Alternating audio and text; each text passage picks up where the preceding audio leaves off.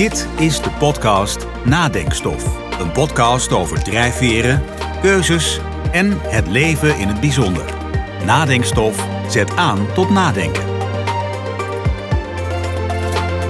Joost Hezels praat met Ellen en Rijn. In deze aflevering ga ik in gesprek met mijn ouders. Thema's die we bespreken zijn opgroeien, opvoeden en ouder worden.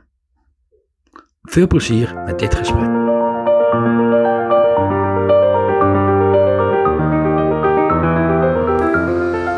Beetje zin in het? Ja, ik moet er wel een beetje aan wennen, moet ik zeggen. Maar ja, we zijn nu eh,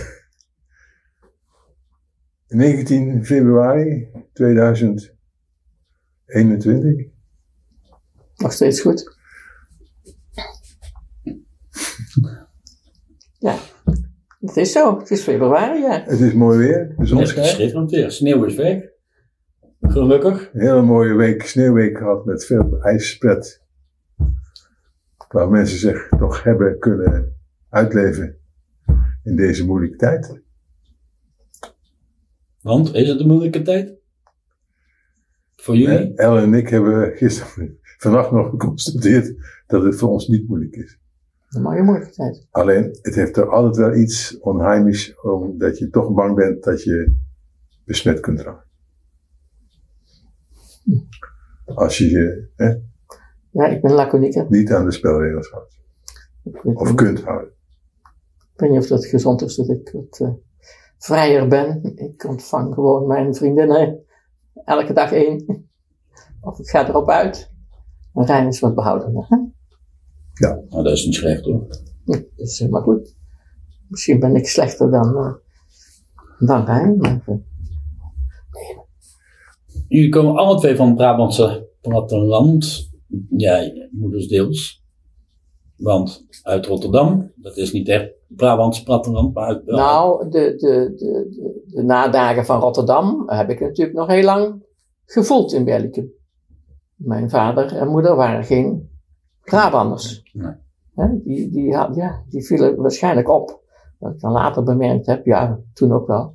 Doordat zij eh, niet uit, eh, uit Brabant en niet uit Belgium kwamen. Zij waren de, er waren twee families in Belgium die na de oorlog eh, vanuit, de ene geloof ik uit Amsterdam en mijn ouders uit uit Rotterdam die naar Belgium kwamen. Ja, wij spraken ook een beetje anders.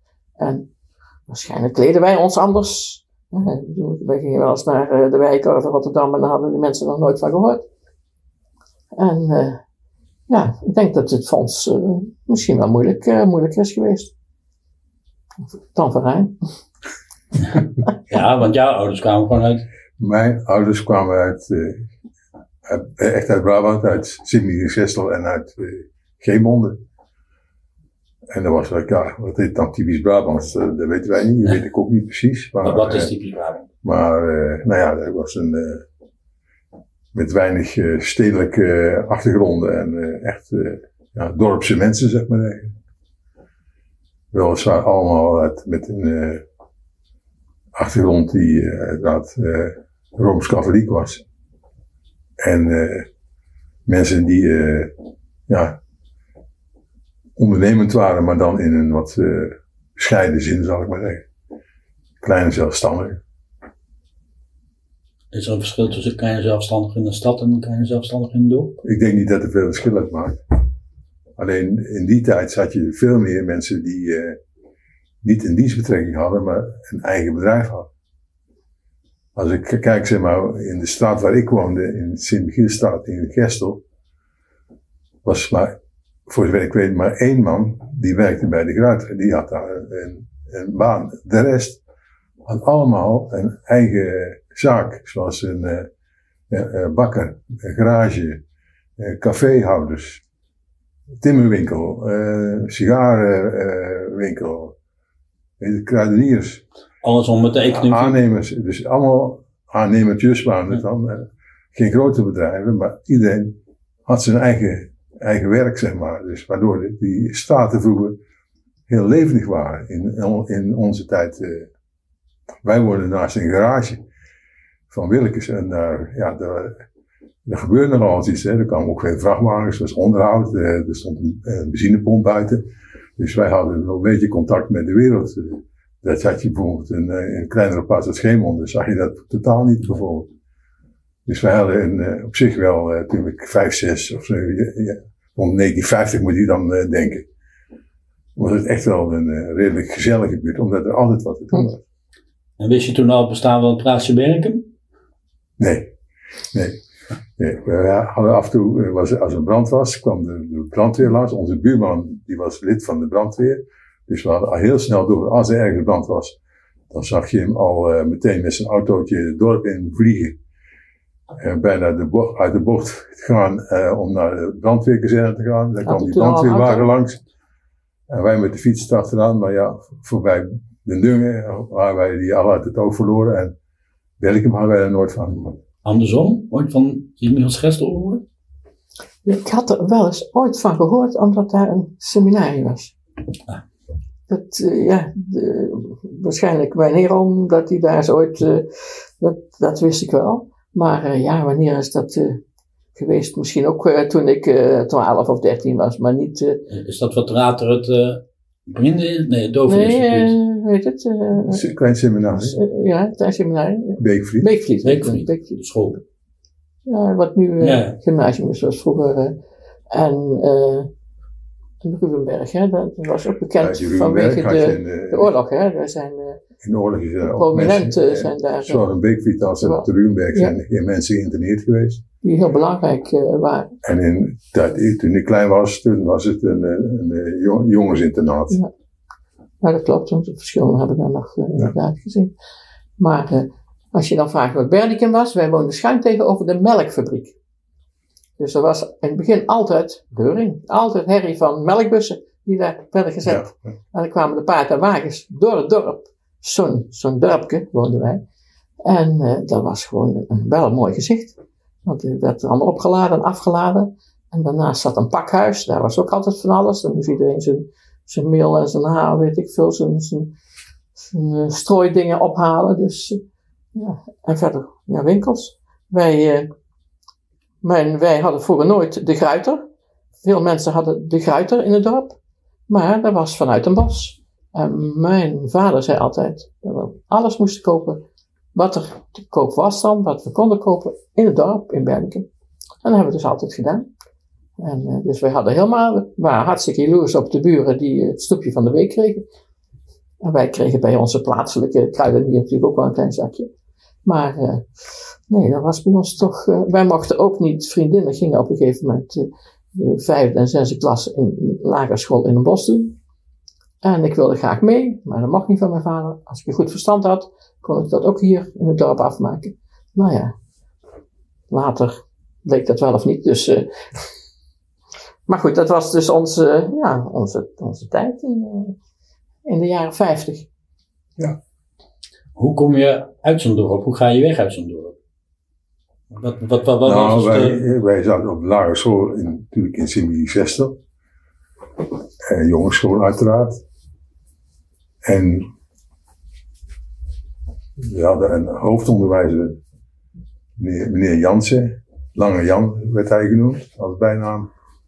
En we werden voorbereid op de middelbare school in Sertogenbos. Mijn oudste broer die zat daar al. Dus het was min of meer dat ik mijn moeder ook organiseerde dat ik er ook terecht kwam. Dat is ook gebeurd, toen moest dat toelatingsexamen doen. Dat betekent gewoon dat je weer vijf, zes jaar of zo, ik zeven jaar, op de fiets vanuit Gestel naar de stad moest. Eh, op zich was dat een eh, hele mooie tijd. En daarna, ja, dan komt het moment dat je gewoon, eh, ga je verder studeren, ga je werken, moet je militaire dienst. En dan ja, ga je uiteindelijk dat dorp verlaten. Dorp eh, aan zich gaven weinig eh, mogelijkheden tot, eh, om het te blijven voor, eh, om werk of te studeren. Dus je Hmm. moest wel Je moest weg. of de nabijliggende stad zoals Den Bosch of verder om opleidingen te volgen. Maar was dat met pijn in je hart dat je dorp moest verlaten? Of? Nee, niet echt. Op, op, op een gegeven moment ontgroei je zo'n zo'n dorp. En iedereen, al je, je, je vrienden of je, je kennissen van dezelfde leeftijd, gingen of studeren of aan het werk. En verdwenen ook uit beeld, omdat ze gewoon uh, ergens anders gingen wonen en ergens anders gingen studeren. En uh, velen die, maar die zijn vertrokken uit het dorp, kwamen ook nooit meer terug. Want die zijn gebleven. Ik zeg altijd, van de mensen die ik ken die naar Amsterdam zijn gegaan, om daar te studeren, is er nooit één teruggekomen. Alleen bij carnaval. Ja, met carnaval. Dan zag je ze nog wel eens terug. Uh, want die hadden toch altijd wel een beetje heimwee uh, naar zo'n dorpscarnaval. Dat is natuurlijk ook totaal verdwenen nu, maar in die tijd uh, had je, rond 1960, had je in, in Gestel, die bestond carnaval nog maar een jaar of vier, vijf. En dan waren wij zelf allemaal in de leeftijd van 17, 18 jaar zal ik maar zeggen. En uh, zo'n vriendengroep, dat was natuurlijk heel gezellig. En uh, daardoor kwam je terug. terug. Kwam je terug. Maar dat is natuurlijk, in latere tijd is het natuurlijk allemaal verdwenen. En wij zijn, ja, ik en Elle, en, uh, Elle had ervaring in, met de bossencarnaval. En zodoende zijn wij, toen wij in het bos woonden, ja, zijn wij steeds meer in, met de Oeteldonk in aanraking gekomen. Maar dat is dus waarom, hoe je weg bent gekomen uit Gestel. Omdat wij in het dorp feitelijk niks meer te zoeken hadden. Nee, dat is te weinig. Er was geen uh, aanbod zeg maar, aan, aan, aan opleiding of geen aanbod aan uh, werk. Uh, wat je zegt van, ik had bijvoorbeeld in die tijd naar de lagere school en middelbare school ook vriendjes die meegingen naar de sint voor opleiding. Maar die hadden broers thuis, die werkten allemaal bij de SOK. Hoe heette het ook Jansen de alweer? Wit. Jansen de Wit in Schijndel. En uh, die, op een gegeven moment gingen, die, stoppen ze met uh, een opleiding bij het Sint-Jan-systeem en gingen werken bij de SOK. Maar die moesten ook wel weer ergens anders, in het dorp zelf, gaf weinig uh, mogelijkheden om daar te blijven voor studie of voor werk. Dat geldt ook in Berken. Uh, in Berdikum, ja, wij hadden een huisartsschool en we hadden een landbouwschool. Dus de meeste meisjes uit mijn klas, die gingen naar de huisartsschool. In Berken. In Berdikum. Het was een VGLO en kennelijk was dat in die tijd eigenlijk best wel goed dat die school er was. Maar ja, er waren er een paar kinderen die uh, beter konden leren of waar ze thuis meer deden. Nou ja, daar was ik dus ook een onderdeel van. Want dat werd niet ik heb nooit geweten dat ik ooit naar een huisartsschool zou moeten, want ik wist al lang dat ik, uh, hè, Huisartsschool, je, je uh, huishoudelijke vakken. Oké. En uh, de jongens, de meeste jongens gingen naar de ambachtschool in Veghel, kan ik me nog herinneren. En een paar gingen, gingen ik ken er nog eentje, naar de bakkerschool ging in Oudenbos. En een paar jongens gingen naar, er was een, een landbouwschool, een lagere landbouwschool. Voor de, er waren bijna allemaal boeren hè, in, in. Dus, en ik, toen ik in de vijfde klas zat, ben ik een paar maanden, heb ik een paar maanden in Rotterdam op school zitten. En, want mijn moeder was bevallen. En die kreeg allerlei, nou ja, dingen op de benen en, nou, van allerlei dingen. In ieder geval, ze moest dus hulp hebben. En toen Marianne en ik, mijn zusje, gingen naar familie in Marianne in Den Haag en ik in Rotterdam. En de lagere school, die zat er vlak naast. En daar hadden nog tantes ook op gezeten, dus dat was goed. En uh, nou ja, die, die, die juffrouw, ja, gewoon, zo'n meisje van het platteland, had natuurlijk weinig fiducie in. Maar ik scoorde op alles goed. Ik dacht alleen dat ik met rekenen achter was. En uh, nou ja, ik weet dat ze tegen mijn oma zei dat, uh, dat het gewoon allemaal heel goed was. Dat ze andere gedachten had over Ah, een, een, een plaatsje in Brabant. Aannames. Dus dat was, ging allemaal heel goed. Ja, en ik, uh, ja, want ik was nou natuurlijk een beetje druk kind, althans dat zei ze. En ik zou en ik moest naar een MMS. Heb ik een jaartje op de MMS op kostschool gezeten. Had ik het hartstikke heimwee. Nou ja, goed. Toen uh, ging ik hier naar het lyceum, want er zaten een paar meer vriendinnen. En, nou ja, toen kwamen wij, oh via de carnaval kwamen wij, uh, ik, ik vierde eerst al, al heel vroeg met een uh, paar mensen uit uh, het dorp, en ook van school, carnaval, tot een jaar 15 denk ik. Hè? En toen kwam ik in Gestel terecht via een vriendin. Nou ja, en zodoende kwam ik bij het carnavalsclubje van uh, Rijn terecht. Ja, of bij de Oh, vrienden. Ja, ja, ja. Geen clubje, maar bij de vrienden van Rijn. Nou ja, en dan bleek dat je op dezelfde school zat. En eh, nou ja, als de klassen uit waren, dan bleef je altijd even hangen, even kijken of die ook keek. Hè? Ja. En zo is dat toen. eh, Nou, we hadden in, in Gestel, dat hadden we waarschijnlijk, of in Bergen was dat ook, een soort eh, eh, wij hadden studerende jeugd. Een club voor de, jonge, jongelui van de- ongeveer dezelfde leeftijd, die dan eh, al elkaar opzochten. Of in, in, in Bergen was dat kennelijk wat beter gestructureerd. ja, bij ons Bij ons was het meer toevallig. Ik was eh, heel goed bevriend met Kees Pennings, mijn neef. En eh, later eh, zijn wij samen eh, bevriend geworden met Toon Leemans. En Toon Leemans, die was, kwam uit een, familie van, de, haar vader, zijn vader was notaris. Hij was de, een van de jongsten, ook uit een groot gezin. En dan merk je ook het verschil tussen gezinnen die wat meer in, ja, maar hoe ik zeggen, in een academische wereld al ervaring hadden. Daar keek je tegenop. en mensen die, die uit een, nou, zeg maar gewoon een middenstandsgezinnen kwamen. Maar met Toon Leemans hebben wij, en die had toch wel heel veel ideeën en heeft ook veel dingen ge- ge- georganiseerd of met, met ons samen. Waardoor we ook een hele mooie tijd hebben gehad. Eh, een mooi voorbeeld was bijvoorbeeld, eh, ja, met, eh, het Tweede Vaticaanse Concilie speelde toen. En toen hebben we Kees, eh, Toon en ik zijn begonnen met het Gesselsconcilie. Daar hebben we een aantal eh, mensen eh, bijgehaald. eh, van onze vriendenclub, kinderen van Sopers, van Kooijmans. En ook kapelaan van Ierland, die was dan onze geestelijke adviseur. En wij vergaderden af en toe bij in het burgemeestershuis maar, van Kamerbeek. Eugène was er ook bij.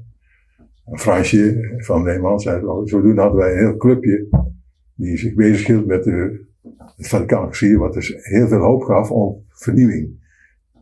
Johannes de 23e was een, eh, een hele aimabele eh, man die ook eh, vernieuwingen wilde. Dat is uiteindelijk eh, wel allemaal opgeschreven, maar later door de volgende paus allemaal teruggedraaid.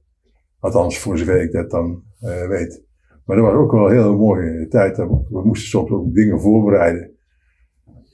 En dan daar een presentatie over geven.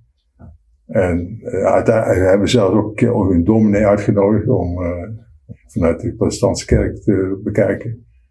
Dus het was op zich wel eh, ook een redelijk boeiende tijd. En we hebben ook veel gezelligheid eh, aan feestjes, aan carnaval, aan verjaardagen. Het was ook een eh, feitelijk een leuke tijd in middelbare school. Want als jullie terugkijken op jullie eigen opvoeding, hoe kijk je dan naar je ouders? Streng. Mijn vader was streng, mijn moeder niet. Maar ja, ik moest altijd voorbeeld zijn. dat was misschien wel eens moeilijk. Maar goed, ik ben er niet minder eh, op geworden. En naarmate ik ouder werd, werd mijn vader natuurlijk ook veel soepeler.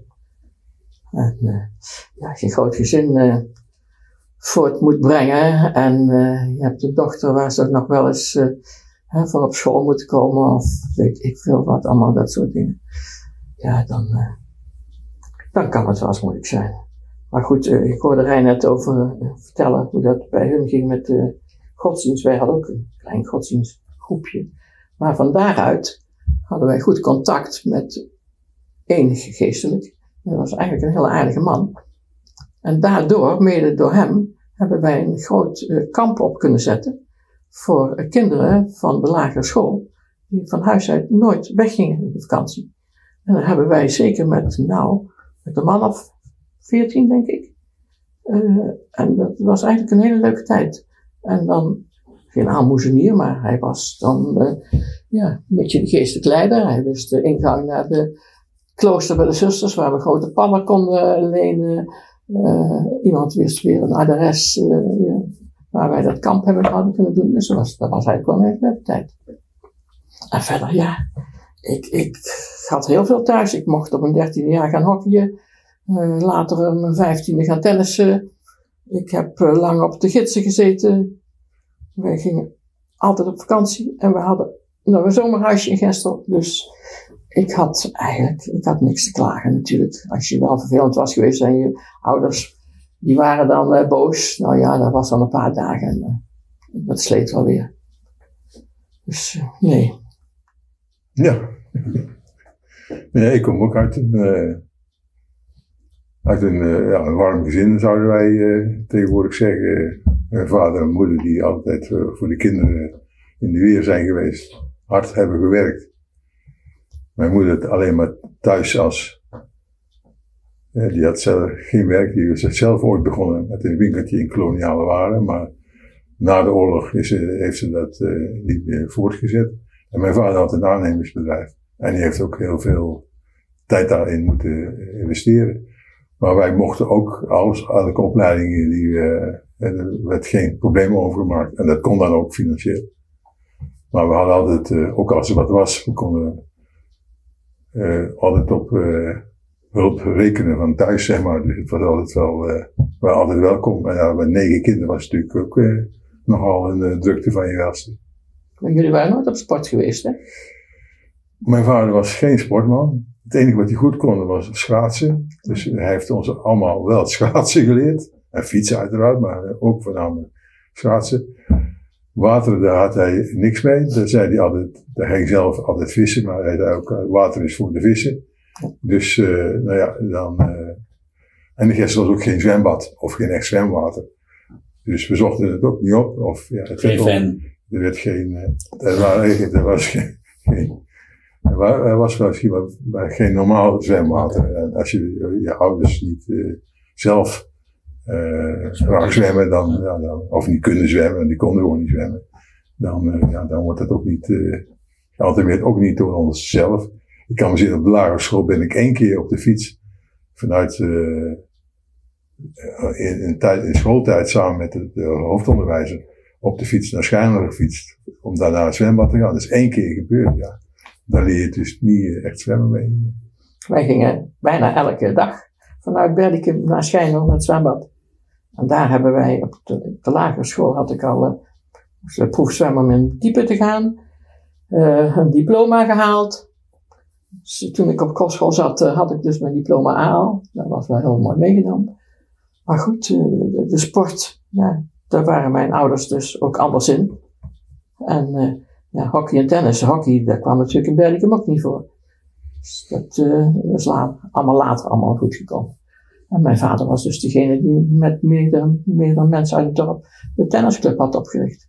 En toen was ik 15. Dus dat was voor die tijd, hè, voor die tijd en voor zijn dorp ook wel heel wat. Dus dat waren toch wel, uh, wel goede dingen allemaal waar we op terug kunnen zien. Ja. Ja, om nou even op dat concilie terug te komen. Dat had een beetje een open eind, het Gestelconcilie. Dat betekende op een gegeven moment, toen het allemaal in Rome al meer, meer, een beetje besloten was wat er wel mocht. Dat betekende dat wij op een gegeven moment, uh, Kees, Toon en ik, en jij, in de kerk het, het epistel gingen voorlezen. En mijn moeder die had wel iets van gevolgd dat we mee bezig waren, maar zeker niet precies, want daar had ze geen tijd voor. Die zat op een zondag in de kerk. En die zag mij ineens op het altaar staan om het epistel voor te lezen. En die was helemaal van, van slag. trots of van slag, dat weet ik niet meer precies. Maar. Dus in die, in die tijd, ja, vooral nog op dingen, want op een gegeven moment mocht bijvoorbeeld uh, niet alleen de priester uh, de communie uitreiken, maar ook de koster, althans, dat werd gezegd. En er waren ook mensen bij ons in de straat die zeiden, als de koster dat ook mag, dan kom ik niet meer in de kerk. Ja. Dus, maar er waren toen wel vernieuwingen in de katholieke kerk, die overigens dus later allemaal Nee, weer, zijn. ja, min of meer uh, zijn teruggedraaid. Dus die openheid die er toen ontstond. Maar daar waren wij dus met dat groepje onder leiding van die kapelaan van Ierland, waren we daarmee bezig. Van Ierland was een, een jonge man, die overigens later getrouwd is met Akela van de, Nou, hij is wel getrouwd uiteindelijk. uiteindelijk wel. Maar toen hij uh, nog kapelaan was, uh, werd ook wel eens bij de bestoren, kwamen ze, want de gast had toen inmiddels een zwembad. Maar dat was een gemengd zwembad. En er kwamen wel eens mensen bij de pastoor klagen over met de mededeling. Weet u wel dat jullie kapelaan in het zwembad uh, gezet ook vrouwen uh, mogen zwemmen? Oei. Als je de pastoor, uh, als hij in het water duikt met die vrouwen, zolang kan hij toch niet onder water blijven. Dus er werd verder niks meer aangedaan. Hoe lang duurde dat, dat concilie wat jullie, waar jullie mee Het heeft bezig een paar waren? jaar geduurd, zeg maar. Ja, nou, ruim een jaar zou ik bedenken. We zitten net in de tijd van 1962, 63. Wij lazen al, zeg maar, de, Toen was je al de- van de, besluiten in de Paris, eh eh Match? Paris Soir, geloof ik. Hè? Dus nee, niet Paris. In de, in de Franse krant, die publiceerde als eerste de, zeg maar de, de besluiten van het concilie. En wij zaten dan eh, in de Franse krant, Paris Soir, geloof ik. Ja, dat is waar. Dat kan. of Le Soir, Ja. zaten wij dan te vertalen om te kijken van wat er dan eh, eh, werd gezegd. Ook belangrijk was dat onze ka- kardinaal Alfrink daar ook een hele, min of meer pro- voor katholiek progressieve rol in heeft gespeeld. Dus wij waren nogal redelijk eh, met het geloof bezig. En zeker met eh, de hoop dat het, het zou, echt zou vernieuwen. Maar uiteindelijk is dat En dat in jaren waar andere mensen in Nederland bezig waren met ehm, het roken van jointjes, ehm, aparte muziek draaien. Dat was toen nog niet eigenlijk zo. Ja, wel, je had natuurlijk wel al de, de Rolling Stones en de Beatles. Ja. En de, eh, ja, de- daar ben ik niet zo goed mee. eh. En wij, wij zaten nog een beetje in de sfeer van een beetje de Franse chansons. Want toen was je al van de middelbare school af. Nog net niet, of net wel. 63. Ja. Maar op zich was het op zich wel een boeiende tijd. En kan toch wel zeggen dat we daar ook mee, eh, mee bezig waren. Wat er om ons heen gebeurde voor zover we daar eh, zicht op hadden natuurlijk. Maar Ja, want je hebt natuurlijk ook wel, als je teruggaat nog verder in de tijd. Ik kan me goed herinneren dat wij in 1956 eh, in opstand in Hongarije, Ja, dat wij aan de radio getuigd zaten om wat er allemaal wat er toen eh, gebeurd is. En dat je daarna heb je ook nog eh, de Cuba-crisis. Cuba-crisis, dat was in onze tijd. En eh, ja, dus het waren allemaal dingen die eh, binnenkwamen, zeg maar. De. Cuba-crisis moesten wij gaan hamsteren. En er werd gezegd, als er iets zou gebeuren, dat we onder de trap of in de kelder ja, het moesten zitten. een dreigende, Dat was een hele dreigende- atoomoorlog, zeg maar. Ja, ja, ja. En die, in Hongarije, die mensen, die kwamen later, werden verdeeld, kwamen een aantal in Berlicum als vluchteling in het bejaardenhuis. En die mensen stonden altijd bij het poortje, met, met twee mannen en twee vrouwen. Die vrouwen hadden hoofddoekjes om, dat vonden wij ook al apart. Die stonden altijd bij een hekje te kijken. Maar de scholen gingen uit, dus die hadden waarschijnlijk heimwee naar kinderen. En dat maakte bij ons ook wel eh, een, een indruk. Het was, het was apart. dus de wereld zijpelde meer binnen dan Ja. eigenlijk gedacht. De wereld zijpelde ook binnen toen de Molukkers eh, binnenkwamen. Hè? Of eh ja, Ambon, hè? Ambonezen. Ja. In, in het dorp werden de verschillende mensen toegelaten, gezinnen toegelaten. Bij ons eh, in, in de straat zat, eh, zat een gezin, want die man was militair. Hè? Die, eh, knil, hè? Ja. En bij jullie was een heel bekende familie van, eh hoe heet ze, de zangeres. eh, Remer, van, van Remer. Sandra ja. Remer, Sandra? Remer. Sandra Remer. Die ja. zat bij jullie eh, Ja, in Gestel. ja, en ja. Die werd bekend door, door de dochter die zong. Ja, ik heb zelf op de lagere school, het laatste jaar dan, was er een jongen, Sjors heette die, die ook uit de, in, in, in de Nederlands-Indië kwam, of uit Indonesië kwam. Eh, mochten wij, die moest, eh, ja, we hadden een soort achterstand met, eh, onder andere met rekenen. En eh, in een apart kamertje zat hij dan af en toe samen met Sjors, om hem te helpen bij eh, het rekenen, zeg maar. Dus eh, dat was ook wel apart. Ja. Ook in die tijd had je, want we wisten natuurlijk nergens, is, eh, niet zo heel veel van, van, ja, hij had er wel over gelezen, maar nooit gezien. We hadden bijvoorbeeld nog nooit een, althans voor, ik weet, geen neger gezien. En ik kan me herinneren dat op één dag stond er bij de school, 's middags, na de pauze, eh, stond er een, een man op het eh, schoolplein en die was hartstikke zwart. En wij keken van heel, en op een gegeven moment ging die ergens in een soort nis staan. En als hij keek, keken wij. En dan, eh, op een gegeven moment, het duurde iets te lang, liep die man het dorp in. En 20 meter daarachter liepen al die kinderen, van, al die jongetjes, achter die neger aan. Dus dat was, en als die omdraaide, dan eh stoven wij uiteen. Dus dat leek wel zo'n eh, film van eh, Charlie Chaplin. In ieder geval, die man eh, kwam ik, eh, 's middags op het eind van de middag, kwam die in, eh, mochten wij, want ik zat in een lagere klas, maar de twee hoogste klassen werden dus samen in een lokaal, eh, in, in, bij de hoofdmeester neergezet. En die man kwam een presentatie geven over Suriname. En dat was echt heel geweldig. Dat is ook heel leuk. Die man deed het ook heel leuk. En het uh, uh, grote truc die hij toen uh, ons liet zien was dat hij een emmer water op zijn hoofd zette. En daarmee los op het hoofd en door de, door de klas liep. En toen was het helemaal het ijs gebroken. Mooi, ja. Dat is echt een, ja, een verhaal van, denk je nou, en welke tijd leven wij? Ja. Ja. Maar zo'n dorp had ze toch, en ik denk dat Berg ook was, eh, af en toe kwam er iets van buitenaf, maar eh, ontstond er een soort kleine rimpeling en dat vervlakte weer.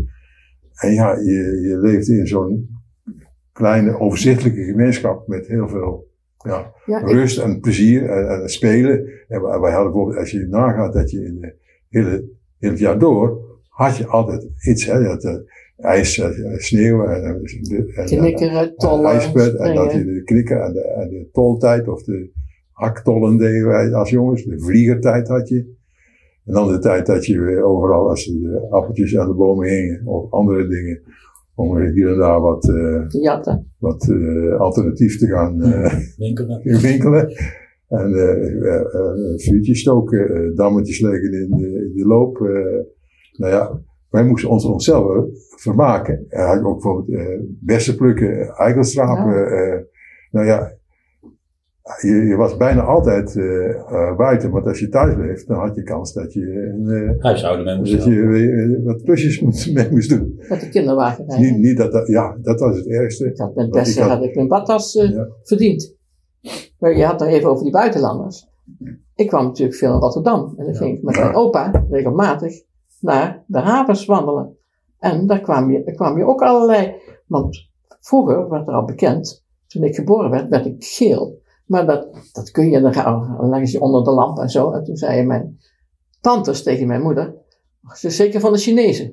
En van de Chinezen, in die havens kwamen allerlei soorten Ja, mensen Van Katendrecht. van Katendrecht. Oh ja, je komt van Katendrecht, want de Katendrecht, daar kwamen al die, eh, vanuit de haven kwamen daar terecht. En die zeelui, kennelijk de Chinezen, gingen dan naar Katendrecht, eh, kennelijk naar de Roer of zo.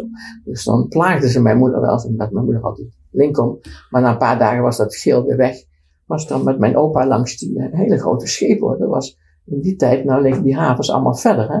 Maar toen had je bijna midden in de stad Ja, ja. kwamen die hele grote schepen. En dan zag je ook allerlei rare figuren. Ik had in mijn verbeelding, dacht ik wel eens ooit dat ik Indianen had gezien, maar dat, dat kon helemaal niet, want maar er waren gewoon, die mensen zagen er gewoon anders uit. Dus ja, goed, toch. Maar je hebt een leuke jeugd gehad. Ik heb een. eh, Ik ook is, is overzichtelijker dan de jeugd tegenwoordig. Misschien wel.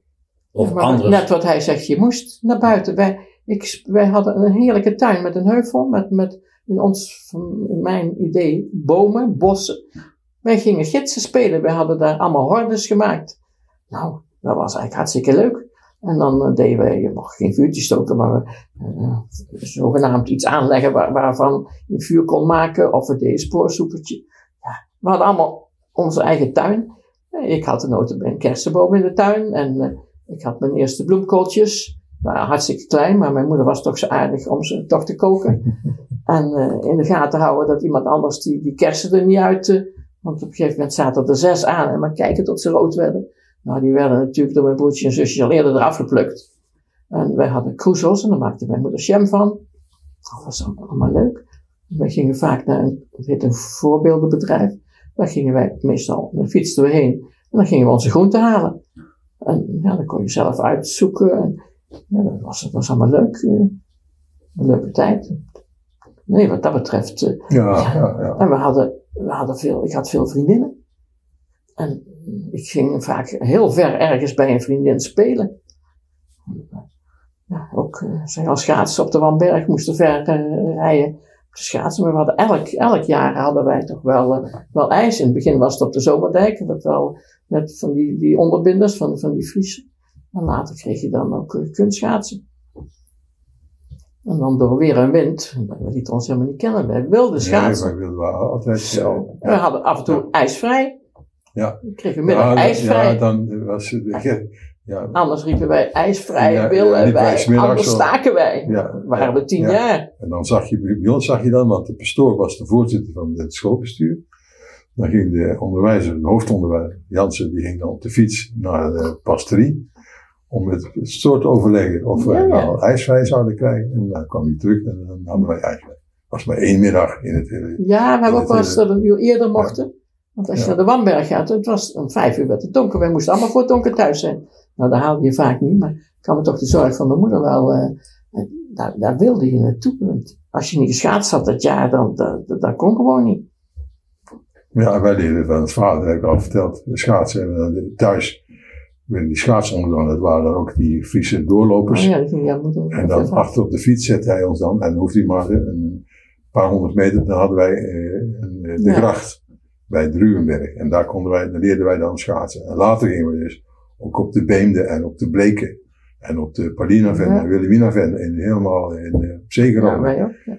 En eh, de koude hadden wij in die tijd helemaal geen last van. En dat was echt heel mooi om daar te schaatsen. Dus, En ik kon nog heel goed schaatsen. Want in, was het 1994 hier nog op de plas? eh, ja, 95, 94. Ja. Eh, Achter jou, jou in, in een wagentje en ik erachter. En we hebben nog op de IJzeren Man, ben ik, eh, Ik in Zeker. 1994 in een wagentje. dat kan niet meer. hè? Nee, zat je op Nee, op de middelbare school al. Dus. Oh nee, dan, maar ook eens een keer, dat, Ja. nee, dat was in de jaren 70. Toen hebben we hier ook geschaatst. En toen zat jij nog in dat, eh, ja, dat weet ik ook nog. Een eh, wagentje. met de schaatsen. We hebben in die tijd nog best wel aardig geschaatst. Zeker, ja. We hebben het over de, eh, jullie eigen opvoeding gehad. Op een gegeven moment krijg je drie kinderen. Wat neem je van de opvoeding van jezelf mee naar de opvoeding van je eigen kinderen? Ja. Ja, Je kijkt het, eh, hoe het bij je ouders is gegaan, denk ik. En eh, mijn hulp was dokter Spok. nee, ja, wat moet ik zeggen? Ik, ik kan daar niet meteen een antwoord op geven. Jij wel? nou ja, volgens mij verloopt het eigenlijk niet anders dan het vroeger ging. Ja, Die kinderen gaan naar een eh, lagere, of naar de, de, die liggen in de wieg. Eh, in de, naar de lagere school, wil ik zeg maar, naar de, wij gingen vroeger naar de bewaarschool. Overigens wil ik het wel even over vroeger hebben. Ik heb, eh, eh, wat betreft mijn ervaringen, wat we vroeger de bewaarschool hadden, was dat de Kleuterschool. heel slechte ervaringen. Ja, En op de lagere school kan ik wel zeggen dat het redelijk goed ging. Maar er waren ook jaren bij dat je dacht, nou, wat wat een vervelende onderwijzer hebben wij. En op de middelbare school kan ik zeggen dat dat veel beter is verlopen, maar dan ben je ook een stuk ouder. maar dat was niet de vraag. Dat was niet de vraag. Maar dat betekent wel dat je dus, eh, als je met je eigen kinderen dan, ja, die, die stuur je dan ook naar de kleuterschool. De dichtstbijzijnde hebben wij gelukkig steeds gedaan. Jawel, maar de opvoeding begint al, ze in de wieg lagen. Nee, maar het gaat ook meer. welke- wat neem je mee? Ja, wat neem je mee vanuit de wieg? Ja, Ja. ja de, de, eh, wat elke ouder doet. is Sommige. zo- zorgzaam zijn, eh, lief zijn. eh eh, Dat is ook niet in elk gezin. Nee, dat is niet in elk gezin, maar ik denk dat wij dat wel zo gedaan hebben. En ik kom uit een gezin waar dat ook zo was. En als er problemen zijn, of de kinderen ziek zijn, en daar hebben wij ook de nodige ervaring mee. Eh, er is alles aan gedaan. En Elle die heeft daar heel veel aan gedaan. eh, eh, om eh, maar heel even zwak te zeggen. Om het allemaal in goede banen te leiden. En daar is ook heel veel moeten voor organiseren en eh, voor geregeld. En naar ziekenhuizen gemoeten. En eh, er is alles aan gedaan, zeg maar, om te zorgen dat onze kinderen zo goed Ja. mogelijk eh, door die jeugdige jonge leeftijd heen komen. Wij En- zeiden toch altijd, we zijn blij dat ze in ons gezin zijn opgegroeid. Ja, ja, natuurlijk. Ja. want je zag wel eens ergens van die arme sloepers eh, met die jonge, hè, jong en tekeer gaan. En dan dacht ik ook wel eens, denk, oh, nou, Nee, dus met veel geduld en met Ja, veel liefde. en liefde. eh, ja. dat vind ik ook. Ja, kinderen hebben altijd iets. We hebben altijd iets, dat was ook zo. Want die ziektes kregen ze. ge- Gelukkig was, vroeger kregen wij op de, middel, op de lagere school, kregen we allemaal die ziektes. Hè? Dan lagen we met z'n allen tegelijk in bed eh, voor de mazelen, word je nou voor ingeënt, de uh, waterpokken, Ja. noem maar op. Hè? Maar nu kreeg je alles eigenlijk voordat je naar school ging. Jullie gingen sowieso al twee eh, halve of twee halve dagen naar de peuterspeelzaal vanaf je tweede jaar. Nou, dat was natuurlijk best wel fijn. Dat wij dan tot rust kwamen of zo. Want je moest die kinderen moest je allemaal rond 9 uur brengen en die moest je om 12 uur ook alweer ophalen. Maar dat, dat was toch eigenlijk wel, wel heel goed. En als jullie ziek waren, waren jullie heel vaak, de waterpokken hadden jullie met z'n drieën. Het was, het werd alleen wat moeilijker als je ook moest werken, hè. Want, uh, Een andere tijd. Dat is een andere tijd. Tegenwoordig heb je crèches waar je kinderen naartoe kunt. eh, Jawel, Ja, ja. natuurlijk was het ook een andere tijd. Maar bij, ik, toen ik werkte, had ik altijd iemand in huis. En soms kwam die iemand niet. En dan moest er weer vlug gebeld worden. Nou, en naar mijn familie, eh, mijn moeder stuurde altijd wel iemand, bij jullie thuis ook wel eens een enkel keertje, Ja, hè? ja. Maar eh, ze zei altijd wel van, nou, ga jij daar naartoe, anders kwam mijn moeder zelf. Om, om op te passen. Want dat werk ging gewoon door. En, en, en die, jullie jij moest om zes uur, eh, s morgens, kreeg je de eerste fles. En dan drie uur of vier uur later, dan gaf ik jullie een half uur eerder de fles, want ik moest rond negen uur weer op het werk zijn. En dat liet ik niet over aan eh, diegene die in huis eh, was. Wist je bijvoorbeeld al hoeveel kinderen je wilde? Ik wel. Een paar. Ik niet, nee. Wist je überhaupt dat je kinderen? Jawel, ja, ja, ja kijk, ehm, ik geloof dat ehm, ik tot een stukje de soort hoort die wat eh, minder ehm, doordacht allerlei eh, eh, dingen op zich af laat komen. En ja, je, je wordt verliefd, je, wil trouwen en je wil kinderen. Dat is het normale patroon, maar of je daar heel bewust over nagedacht hebt, ik, ik vond het heel normaal dat het gebeurde. Ja, één? Of? Eh, dat maakt het niet uit. Ik wilde, een huis, ik wilde een huis vol. Maar dat kon niet doorgaan, want de auto was te klein. We hadden plaats voor drie kinderen. Zo was het toch? Hè? Er zijn mensen met meer kinderen en minder auto's. Zonder auto. Ja, maar goed, dan moest je er vier in stappen. Dat kon je. Nee, maar op een gegeven moment, de gynaecoloog zei na nummertje drie van, het is toch beter dat er toch geen meer komen. Ja, dat zei haar ze ook van. eh, Maar, eh, De nou, problemen die er zeg maar, waren bij Joost eh, was toch wel eh, voldoende om, of genoeg, om daar over om nadenken. daarover na te denken of je nog eh, meer kinderen zou willen hebben. Dus, eh, Maar, maar het leuke was wel, ik werkte bij een gynaecoloog. En ik wist precies hoe het daar allemaal reilde en zeilde. En Rijn die, die dacht eh, van, nou, zou het allemaal eh, wel zo gaan? Want hij had allerlei verhalen van mij gehoord. Nou, hij sprong een gat in de lucht toen ik zwanger was. Toch? ja, nou ja. ja, dus, eh, Dat was, dat was eigenlijk toch wel leuk. Ja. Moest in het begin toch allemaal een beetje bijhouden eh, wat en, eh, wel en niet kon. Maar nee, dat is allemaal meteen gegaan zoals het moest via het boekje. Hè? ja, Dus, wij hebben in die tijd geleefd van de moedjes. Nou, daar werd je door de kerk en door het hele dorp aangekeken. Wij wisten precies eh, in ons dorp wie er moest trouwen. Nou, dat was een schande. Dus daar gingen wij ook het huwelijk mee in. Hè? jawel, In die maar- tijd ja, nog. ja, maar Dat wilde je niet hebben. Nee, maar ja. Dus we hebben het keurig eh, ja, we hebben geluk gehad. Nee, is niet waar. We hebben altijd opgepast. Ja, dat is wel. Daarom, nee. Je werkt bij een gynaecoloog of niet? Nee, maar anders ook hoor. Maar eh, nee, die opvoeding, ja, was toch een beetje wat je van huis, een beetje vergelijkingsmateriaal natuurlijk. Maar ja, drie kinderen, eh, Maar drie kinderen zijn, is minder als... eh, Acht of negen. acht of negen. En eh, ja, die kinderen kwamen natuurlijk achter elkaar. En dat was bij hun natuurlijk thuis ook. En eh, de, de ouders eh, zorgden meer voor de jongeren. Maar eh, jullie, waren, jullie waren heel rustige kinderen. De, je sprong ze- zelden uit de, uit de band. Ja, maar ook in de, in de, je moet het ook in de tijd zien. Ja. Eh, ik denk dat zeg maar, eh, in de 40, 50 jaar en ook daarvoor, ja, waren grote gezinnen eh, vrij normaal. Ja. Eh, Want de pastoor die kwam eens informeren De, de pastoor die kwam ook wel eens informeren van eh, hoe het ermee hoe het zat. ermee stond.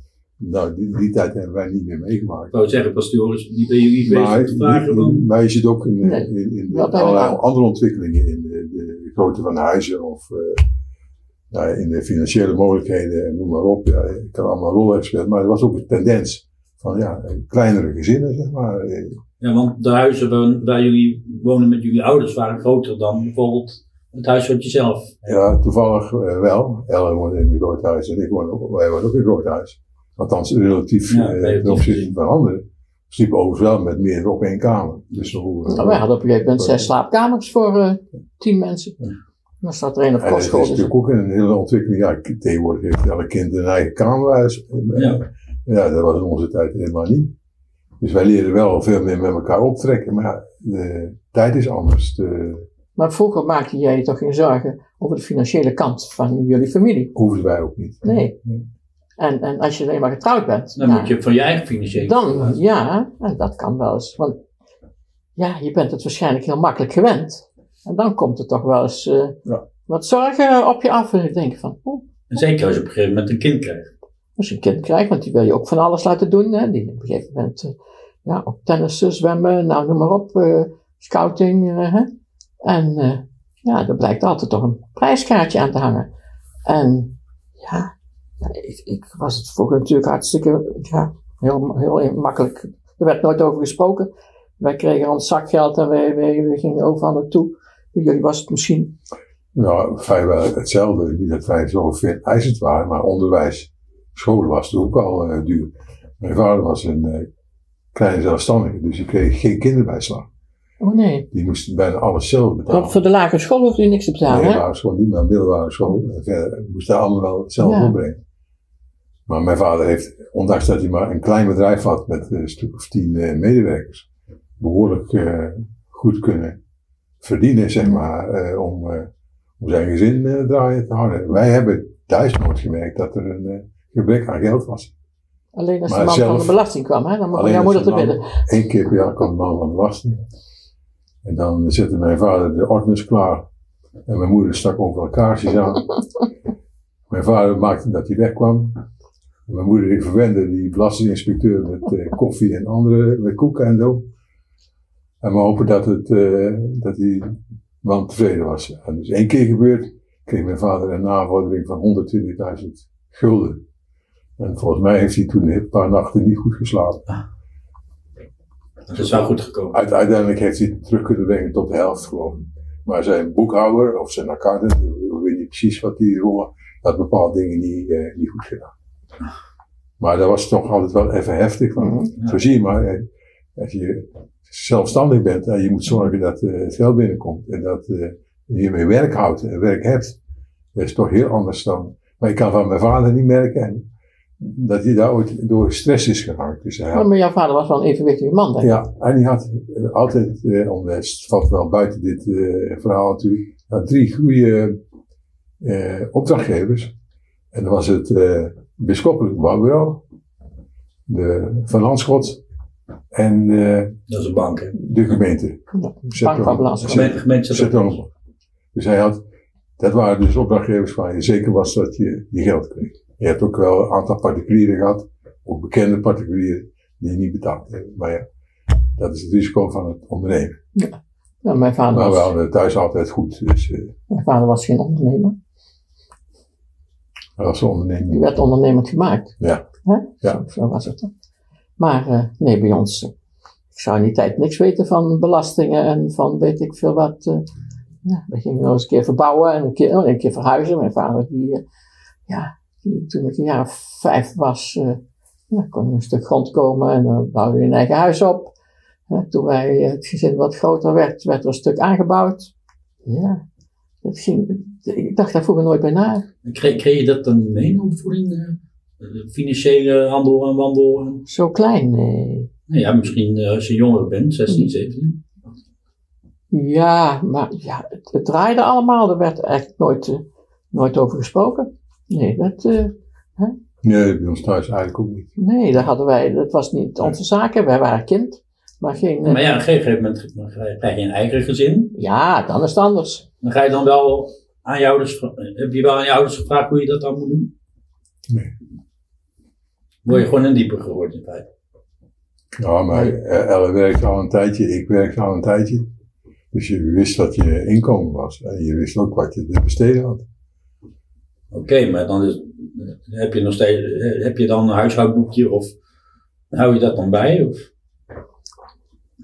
Ja, Elle heeft wel eens geprobeerd. Ik heb wel eens wat geprobeerd, ja. Ja, ja. Maar het was gewoon, ja, eh, je, je wist je, je vaste uit, eh, uitgaven. En dan was het gewoon zo. En eh, ja, je moest altijd zorgen dat je niet in, in het rood kwam. In feite, daar komt het op neer. En we hadden in het begin een huurhuis. Ja, maar dan breng je geld weg. En als je je huur niet op tijd betaalde, hè, dan eh, Komt iemand aan de deur. kwam er iemand aan de deur, ja. Dus, eh, Ja. Paasvader was ondernemer, jouw vader was bankdirecteur. ja, die was eerst ook eh, gewoon begonnen en toen procuratiehouder, geloof ik. Hè? En toen is hij ook nog Directeur. directeur. Oh ja, Ja, geen vennoot, dat heeft hij. oh nee, Waarschijnlijk is hem dat wel aangeboden, maar zeker weet dat er niet. was iets mee. Maar dan, ja, dan ben je ook eh, meer financieel word je verantwoordelijk of zo. Ik weet niet precies hoe dat werkt. Ik heb me daar nooit zo moet je ook een verdiept. bepaalde inbreng hebben, maar dat weet ik. Maar hij is ook directeur geworden van de bank. Misschien moest je een titel hebben. Ja. Maar dan had ik Kijk, mijn vader was een, eigenlijk een, een timmerman en een vakman. En hij was ook niet zo echt de ondernemer, anders zou hij misschien als aannemer zijn wel groter geworden. Maar dat heeft hij niet gedaan. En zijn, ja, zijn makker is, denk ik, achteraf gezien, met zeven zonen, dat geen van die zeven zonen het eh, bedrijf hebben En overgenomen. jij wilde dat ook niet. Ja, ik wilde het ook niet, maar niemand niet. En Ooit geprobeerd, toen, hè? toen mijn oudste broer, onze Ter, eh, naar de HTS ging, had mijn vader kunnen zeggen, doe bouwkunde. Maar hij deed eh, werktuigbouwkunde.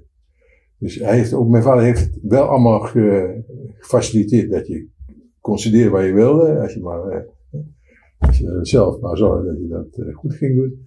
Maar hij had ook kunnen denken van, ik, eh, eh, ik, ik, ik eh, wil nog wel één zoon in de, in, in het bedrijf hebben. Ja. Ik denk dat het ook te maken heeft dat je als kleine ondernemer altijd de voortdurende zorg hebt. Om eh, maar zorg dat je werk Ja, houdt. Ja. En als je groot wordt, ja, dan word je zelf ook veel te duur. Mijn vader kostte eigenlijk niks, want hij deed al zijn werk tot zijn vijftigste op de fiets. En tot zijn dood op een, op een? Ja. Dus hij, nee. Pardon. En hij, dus hij kostte zelf in wezen bijna niks. Nee. Dus eh, althans, hè, dus een eh, druk op eh, de winst van het bedrijf, zou ik maar zeggen, die was vrij klein. En ik denk dat dat daar ook mee te maken dat die, waarschijnlijk die zorg die hij had, omdat je eigenlijk zelf meer vakman was dan ondernemer, dat hij die zorg niet eh, op ons wilde overdragen. Dat denk ik dat dat een beetje zijn eh, achterliggende idee was. En je had zelf ook geen ondernemersbloed. Nee. Nou ja, je kunt het leren. Nee, maar, maar het gekke is, mijn moeder, die eh, eh, altijd eh, wilde werken, maar mocht niet van, zijn, zijn, eh, van haar vader, mocht dat niet, want eh, zijn dochter, mijn opa, die was zelf van eh koeienherder tot aannemer, en een vrij grote aannemer geworden, die heeft ook nog kerken gebouwd. Mijn moeder wilde heel graag eh, ook werken, vooral in een winkel. En dat mocht hij van haar vader niet, want zijn dochter die, eh, die eh, hoefde niet te werken. Dat vond hij als een soort eer. En toen mijn moeder getrouwd was, is ze begonnen met een winkeltje in Koloni- Kolonial Waar. En ik denk dat mijn moeder wel de babbels had, zeg maar, om de manier om echt te ja, ondernemen. ja, ja. Die was wel, had daar wel iets, mee, iets mee gekregen van haar vader. Maar dat hebben wij, volgens mij, geen van onze broers of zussen Meegekregen. meegekregen. Dat is eigenlijk wel jammer, maar het is zo. En jij, jij wilde niet in de bank wezen. Zo was het nog niet eens. Ik, was, ik weet wel dat ik trots was op een gegeven moment dat mijn vader autorijles had gekregen. Die moest, bij Van Landschot vonden ze dat hij een auto moest. eh. En ik zat dus, ja, hoe oud was ik toen? eh, Twaalf, zat ik op kostschool. Dan had mijn vader al een auto, die kon mij dus halen en brengen die kostschool. En die auto stond toen nog niet thuis, want die stond in de garage daar vlak bij de Marienburg. Daar zat, eh, nou ja, die naam ben ik vergeten. Pomp en Verlauw, nee, een ander. Maar eh, toen ik op kostschool zat, in die tijd werd er een garage gebouwd. En dan kwam er dus echt een auto in de garage staan. Want hij, ja, mijn vader moest, eh, die ging alle kerken of alle geestelijke afval in België, hadden ze heel veel... eh, Brugge en Brussel. ja, zijn in België allemaal, eh, waar die allemaal eh, moest proberen om eh, geld te bewaren van Oh, die... ja, eh, om klant te worden ja. Eh, Geld eh, nou, hij, en, en ook tot in, Groningen, in Friesland, want ik kreeg was eh, eh, mensen aan de telefoon. Die was uit Assen, dat was een directeur van een bejaardenhuis. Naar mijn vader, de telefoon met klok, ja met klok. Ik hoor hem nog een keer zeggen. S s'avonds altijd heel veel telefoontjes, wij hingen altijd vaak onder de, aan de trap. We wilden altijd wel weten wat het was en zo. En was, ja, met klok. Ja, met klok. Oh, nou, het werd het even stil. Toen bleek het eh, de, de voorzitter of de directeur, nee, directeur van een bejaardenhuis in Assen. Dat was Klok. Dus die naam Klok kwamen toch nog alles veel bekend. En mijn vader die deed met een manier, en dan ben ik die naam kwijt. S'avonds altijd bellen met meneer Klaassen, geloof ik, uit, nou, ik geloof uit Brugge of uit die kanten. Nou, en wij waren boven, spelletjes, wij lagen op bed en waren wat spelletjes aan het doen. Oh, als meneer Klaassen dan we belden, dan stond me- in de gang, hing de telefoon. En dan stond mijn vader soms wel een uur aan de telefoon met die man, allemaal zakelijke dingen te regelen. En ik kan me ook nog ooit herinneren, mijn vader deed heel veel zaken met een ondernemer uit Zuid-Limburg. En Ja, die paardenman. eh, de paardenman. Ja, het was ook een, wat was het, notaris? Nee, wat was het? Een paardenman, nou nog iets uit Zuid-Limburg. En die kwam altijd met zijn chauffeur. En die chauffeur die moest buiten wachten. Maar soms waren die vergaderingen heel lang. En dan, nou, we mochten geloof ik, we hoefden niks te hebben. Maar ik geloof vooral als Marjan of als Margot, die ging toch stiekem naar die auto en die brachten die man dan. Dus wij vonden dat zo zielig dat zo'n man dan zo lang daar buiten in die auto moest wachten. Ja, die man was waarschijnlijk helemaal niet erg, want die ging natuurlijk hele andere dingen doen. Maar dan kan ik me ook nog wel herinneren dat er toch wel wat mensen kwamen, maar meestal wel die dingen allemaal op kantoor afgehandeld. Maar telefoon, mijn vader heeft telefoontjes gehad. Daar werden wij s'avonds gewoon helemaal, helemaal maf van. Dus die had altijd wel, wel iets te regelen. Als het niet eh, zakelijk was, dan was het wel met vrienden die een huis uitgegooid werden, waar die eh, alles voor moesten opknappen. Daar zou ik wel een boek over kunnen schrijven. Maar goed, Goed, nee. Ja, nee. ja dat zou een helemaal boek kunnen worden. Nee, maar goed, wij, eh, maar of het afkeken van, van de opvoeding, ik denk het toch niet. Soms vroeg je wel eens iets, hè, als er iets wat met geboorte te maken had, of met, eh, stel dat een kind luieruitslag had, ik noem maar iets, belde ik mijn moeder op. Ik weet, Suzanne, die was dokter, maar die belde mij altijd op als er iets met de kinderen was. Ja. En eh, jullie ook. En dan belde ik met mijn moeder. En ik kon dan precies zeggen, oh, dan moet je dit doen of dat. Ik zeg, oh, we hadden ook altijd nog Dr. Spock. Dat was een boek waar alles in stond. Maar soms wil je toch iets meer weten. En eh, ja, zo, zo ging het toch een beetje. En mijn moeder kwam heel veel hier over de vloer. Hè, dus kon toch eh, wel van alles vragen.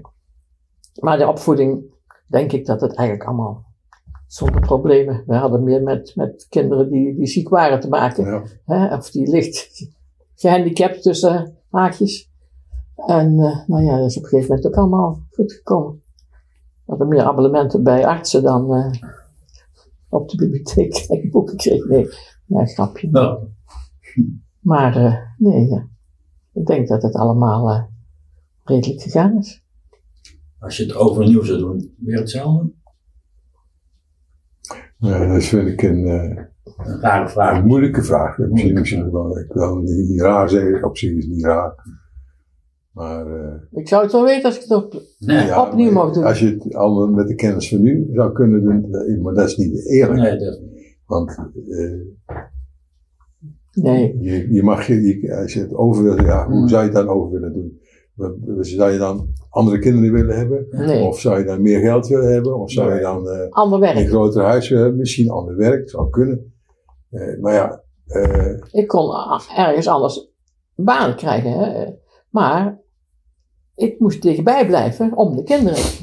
Ik heb wel eens ooit in, in Nijmegen wel eens een paar keer is iemand gehoord. Zelfs ook eens een keer gesolliciteerd. En, maar ik moest dicht bij huis zijn.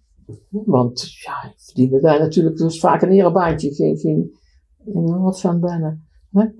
En nog niet eens een pensioen eh, van gehad eh, de eerste maar je werkte wel.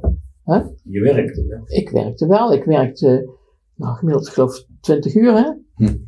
En eh, later eens een keer vier uur thuis. Met de typemachine. En later nog eens bij de Heineken. Toen werkte, verdiende ik misschien iets meer. En op een gegeven moment was ik het helemaal zat aan werken in het ziekenhuis. Gedoe met die artsen allemaal, die onderling ook allemaal problemen hadden. Dus eh, ik eh, was opgehouden met werk. Nou, ik kan me nog goed herinneren, de maandagmorgen. Ik denk het allereerste wat ik ga doen is de ramen zemen. Dus ik de gordijnen eraf, alles open en ik de ramen zemen. Nou, binnen een mum, ik weet niet wie ik binnen had, kwamen ze koffie drinken. En de volgende dag kwamen ze ook koffie drinken. En ik geloof dat dat een week geduurd heeft. En toen kwam die dochter van Niekerk, die werkte op een uitzendbureau. En ze zei via haar geloof ik god Alice, ze hebben mensen nodig in het grootzieke gasthuis op de afdeling Röntgen. Wil je niet komen werken? Maar zo kijk fulltime. Ik geloof dat ik het wel eens gedaan, fulltime. Maar dan moest ik ook van alles regelen. In ieder geval, ik heb dat gedaan. En eh, op een gegeven moment kwam ik ook nog eens in het oude ziekenhuis waar ik gewerkt had bij de internisten. Maar eh, Toen moest ik alleen maar typen. Dus dat was drie keer niks. En ze kenden mij van de gynaecologen. Dus dat was eigenlijk een, uh, nou ja, een teneergang, vond ik. Dus toen ben ik gauw weggegaan. Maar... Uh, goed, eigenlijk. Hè?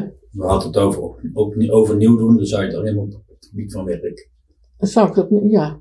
Ja. Ja, je kunt zeggen, nou, ik had misschien gezonde kinderen willen, maar dat, dat, dat, dat kon niet. Dat is een rare vraag natuurlijk. Ja. Je krijgt die kinderen zoals ze zijn.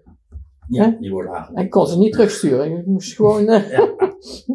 maar ik bedoel, ja, wij, wij, hadden ze, wij hebben ze gemaakt. Dus wat dat betreft, uh, nee, het werd allemaal in liefde ontvangen. En uh, in die tijd, je dacht ook eigenlijk niet bij na, het ging gewoon door. Het was vaak de andere mensen die dan zeiden: Oh, en dan was het in het ziekenhuis. Of, oh, kan hij nog niet lopen? Of, oh, heeft hij dit? Of dat soort dingen. En op een gegeven moment was je bijvoorbeeld hartstikke trots als er weer iets goeds gegaan was. Of hè, dat jij ineens naar school liep. Of dat jij eens een keer iemand petste. Bij Joost. Voor je kinderen ging. Uh... Ik denk net of ik alles over dat hart, of ik alles wist. En dan keek ik mee en dan stelde ik allerlei nou, vragen. Nou, wij kwamen ook een keer samen, toen was met Joost.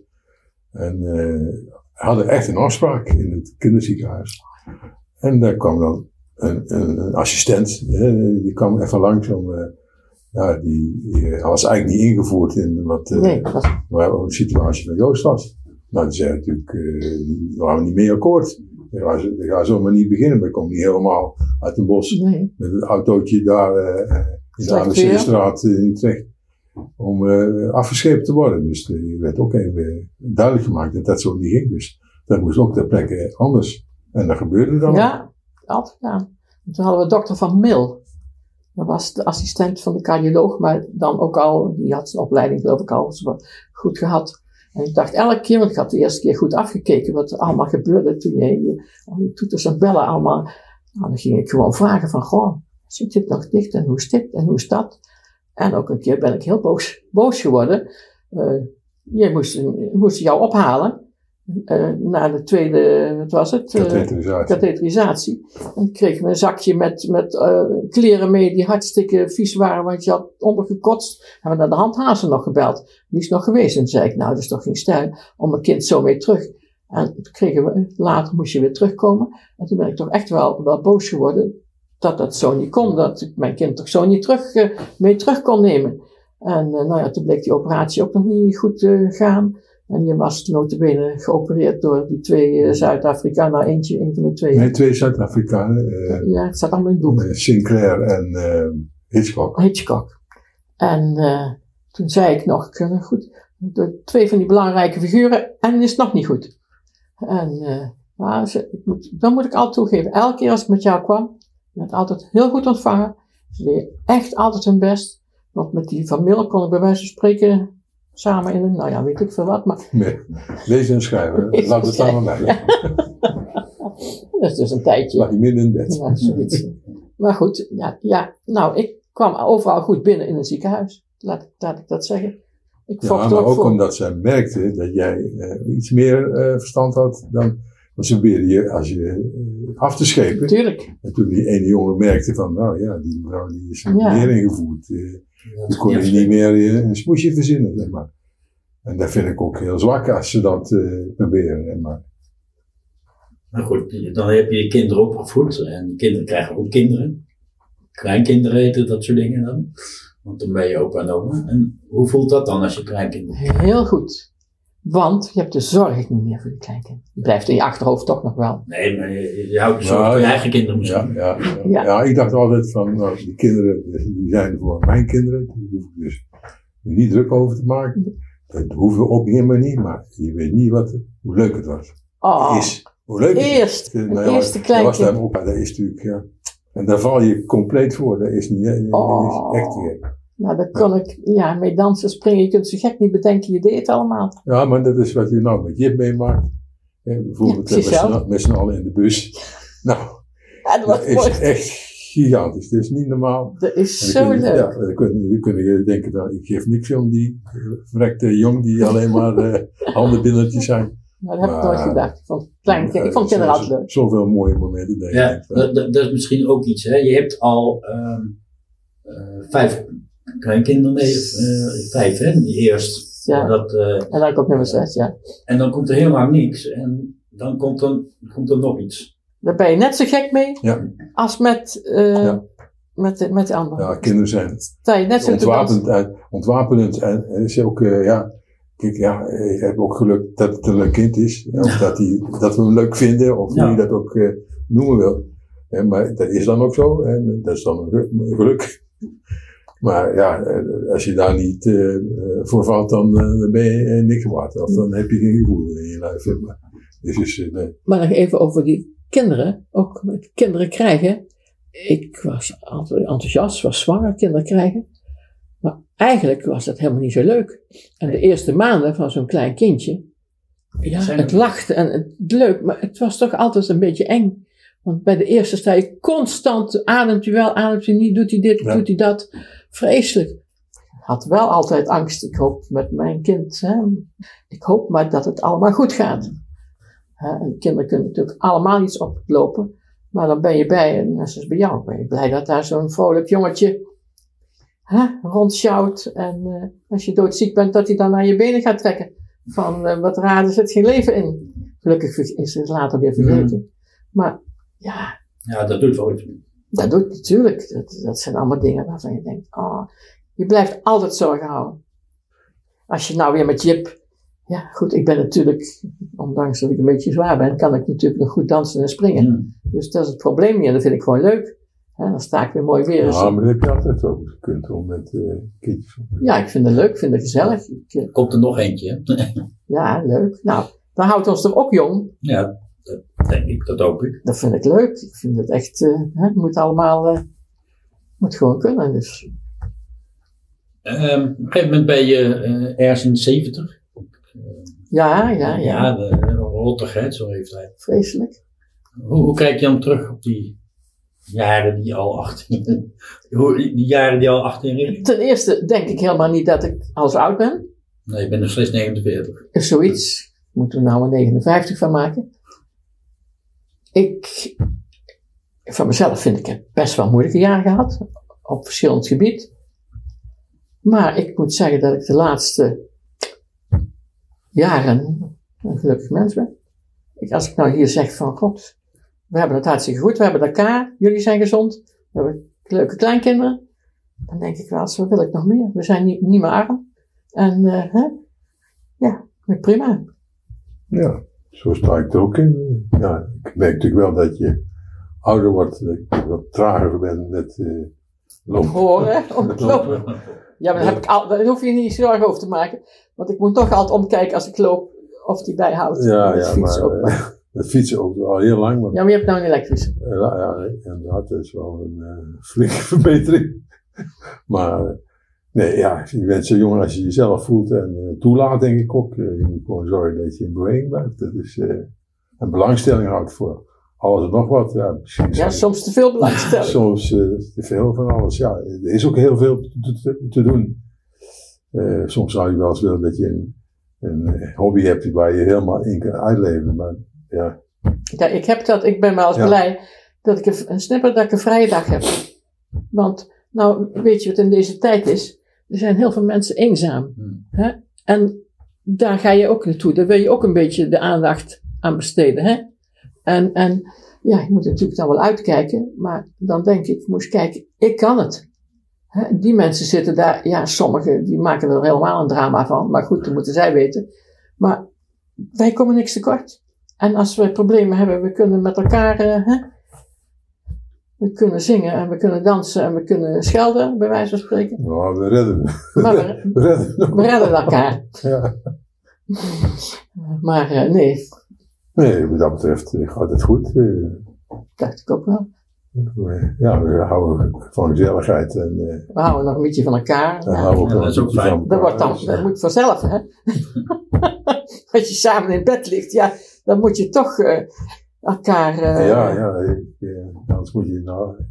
Hij wil niet naar boven. Ik ga niet op zolder weer slapen. En ik wacht dan tot, tot uh, dit is eigenlijk een ander hoofdstuk, Hm. tot hij slaapt. Dan kon ik de televisie aanzetten. Dat lees niet meer. Nou, de tv heeft tegenwoordig zoveel mogelijkheden dat je heel snel de weg krijgt. Nou, ik heb nog een afsluitende vraag. Van waar maak je je nog zorgen over? Of hoe kijk je naar enige toekomst? Nou, dat moet je even Nou, het gekke is dat ik eh, de hele tijd dacht van ja, dat, is nou gedaan. En dat moet ik me toch herpakken, want ja, je gaat zomaar niet opeens eh, dood. Dus eh, je moet dus zorgen dat je dus ontcharged blijft, dat je gewoon, gewoon dingen blijft doen. Soms denk ik van ja, Ellen zegt ja, de keuken moet worden gewit. Dan denk ik ja, waarom zou ik dat doen? maar ik gedaan. er steeds meer achter, ja, het, ja je voelt je gezond. Eh eh, je niet zeggen van, nou ja, eh, je zit te wachten tot er wat gebeurt. Dat is ook niet, eh, dus ja, kijk, de grootste stuk van ons leven, dat ligt achter ons. En ik hoop er nog wel een hele tijd mee te maken. Ik heb er wel zin in. Ja, nou ja, ik verveel me absoluut niet, dat heb ik verteld. Ik kom ook tijd tekort. Hij Maar dat al- komt ook omdat ik Veel een beetje, een beetje lui ben natuurlijk. Nou, jij hebt gewoon je slaap nodig. Maar eh, ja, ik wil nog zoveel. En de sportscholen moeten open. En dat vind ik een heel groot gemis. Maar eh, nee, voor de verder rest. Komt tijd tekort. En En ja, en. Vroeger dacht ik aan doodgaan. Ja. Vroeger, oh, het was vreselijk. Ik kon niet langs bejaardenhuizen lopen. Ik wilde niet Kerkhoven. in lijkenhuisjes. Alles was vreselijk eng. Maar dat is allemaal weg. Ik denk daar niet meer aan. Ik bedoel, vooruit, als het mijn tijd is, dan zal ik ooit gaan. Maar zoals ik me nou voel, kan ik 100 worden. Als die corona maar eh, buiten blijft. C'est la vie, hè? Dank jullie wel. Graag gedaan. Leuk. Dit was de podcast Nadenkstof. Volg ons op Facebook of kijk voor meer informatie op nadenkstof.nl.